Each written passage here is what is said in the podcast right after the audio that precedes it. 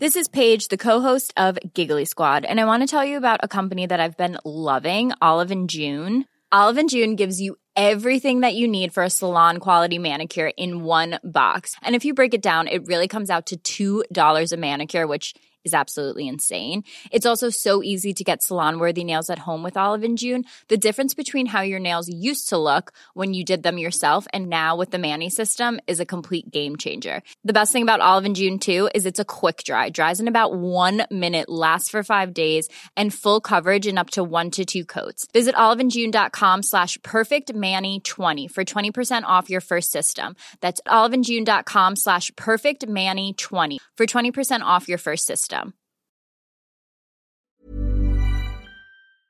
In 9 van de 10 verzorgingsproducten zitten microplastics. Dat zie je niet altijd meteen. Ze zitten namelijk in de kleine letters van je ingrediëntenlijst. Dat is een groot probleem voor zo'n klein stukje plastic. Die microplastics zitten namelijk inmiddels overal, in de natuur en in je lijf. Gelukkig zijn er ook merken die gewoon microplasticvrij zijn. Want dat het anders kan, dat weten we bij Weleda, Lekker Company, Marcel's Green Soap, Naïef, Smaal en Witlof wel. Dus check de kleine letters. Die hebben de grootste impact.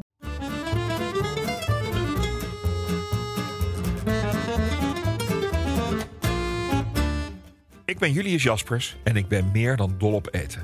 Iedere week pak ik één product uit mijn keukenkast en zal jullie daar alles over vertellen. Vandaag is dat pindakaas. Pindakaas. Het potje staat bij mij achter in de kast. Ik heb het niet zo vaak nodig, want pindakaas eet ik eigenlijk alleen in de sneeuw. Iedereen heeft eigenaardige gewoontes en gelukkig is die van mij vrij onschuldig. Aangezien er in Nederland nog maar weinig sneeuw valt, heb ik al 40 jaar een huisje in de bergen. Een paar weken per jaar eet ik daar ochtends een warm stukje stokbrood met gezouten boter en pindakaas. Ik raak het spul de rest van het jaar eigenlijk niet aan, maar koop het dus altijd voordat ik afreis naar mijn geheime berghut. Bizar hè? Nou, niet echt natuurlijk. Want de Nederlander die op vakantie gaat, vergeet nooit zijn drie P's: paspoort, portemonnee en pindakaas. Er zijn verschillende verhalen over het ontstaan van pindakaas. Het zal weer eens niet. Zo zou pindakaas in 1884 zijn uitgevonden door de Canadees Marcellus Edson, toen er een overschot in de pindaproductie plaatsvond. Pindakaas was al een bijproduct van de fabricage van pindaolie, maar het liep nu uit de hand, dus werd vanaf dat moment pindakaas op de markt gebracht. Een man die er schat hemelrijk mee is geworden, is John Harvey Kellogg. Inderdaad, dezelfde man die ochtends graag graan in zijn melk deed. Het alternatieve verhaal is dat pindakaas rond diezelfde tijd is uitgevonden door een arts in St. Louis, Missouri. De arts, van wie de naam in de vergetelheid is geraakt, zocht makkelijk eetbaar, maar ook voedingsrijk eten voor zijn bejaarde patiënten. Heden ten dagen zou je zo'n uitvinding een superfood noemen. Het woord kaas in pindakaas is eigenlijk best wel raar, als je weet dat het smeerbare spul in de meeste landen boter of beurre heet. Pindaboter was zeker een logischer keuze geweest. Maar daar dacht de Nederlandse boterwet heel anders over. In hun constante strijd tegen de margarinefabrikanten was er al besloten dat een product waar geen zuivel in is verwerkt geen boter mag heten. Het pindaproduct had wel iets weg van het Surinaamse pinda do koen. Deze geperste blokken pinda's waren een populair broodbeleg in de 18e eeuw. Hier sneed je plakken vanaf als een kaas. Vandaar pindakaas. De naam pindakaas mag vreemd zijn, maar het kan erger. De Engelse naam peanut butter is zelfs 50% incorrect. Pinda's zijn namelijk geen noten, maar peulvruchten. Er is daarom een verschil tussen pinda en notenallergie. Zoals jullie weten heb ik mijn slimme stagiair Julia hier, die mij gaat helpen het koken leuker en makkelijker te maken. Aangezien Julia een Google Nest Hub is, spreek ik haar aan met Google. Misschien heeft Julia nog een leuke aanvulling. Oké Google, is pindakaas gezond? Op de website voedingscentrum.nl zeggen ze 100% pindakaas of notenpasta zonder toegevoegd suiker en zout valt in de schijf van 5. Deze soorten zijn dus gezond broodbeleg, ook voor je kind. Aan veel potten pindakaas en notenpasta is zout en suiker toegevoegd. Oké, dat laatste is dus niet zo gezond. Heel bedankt. Je kan natuurlijk ook zelf pindakaas maken.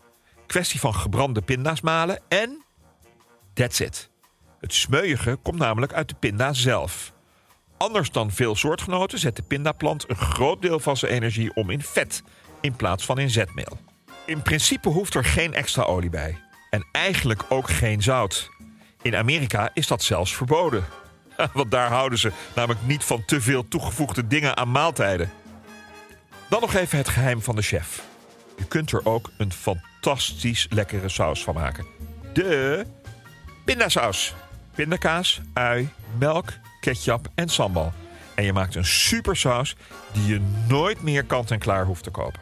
Mijn zwager Paul maakt pindasaus van Surinaamse pindakaas. Te lekker. In de show notes zal ik jullie hier naar doorverwijzen.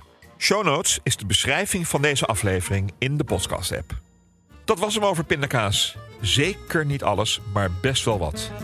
Wil je meer weten over iets in je keukenkastje? Mail me dan of stuur een DM naar Julius Jaspers.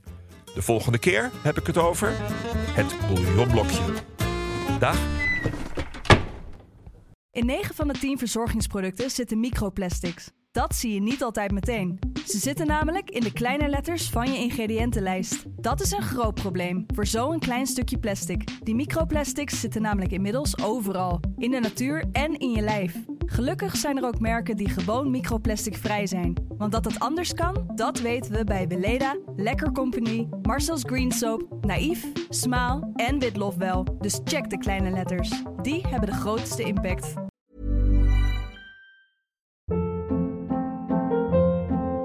Hold up. What was that? Boring. No flavor. That was as bad as those leftovers you ate all week. Kiki Palmer here, and it's time to say hello to something fresh and guilt-free. Hello Fresh. Jazz up dinner with pecan-crusted chicken or garlic butter shrimp scampi. Now that's music to my mouth. Hello Fresh. Let's get this dinner party started. Discover all the delicious possibilities at hellofresh.com.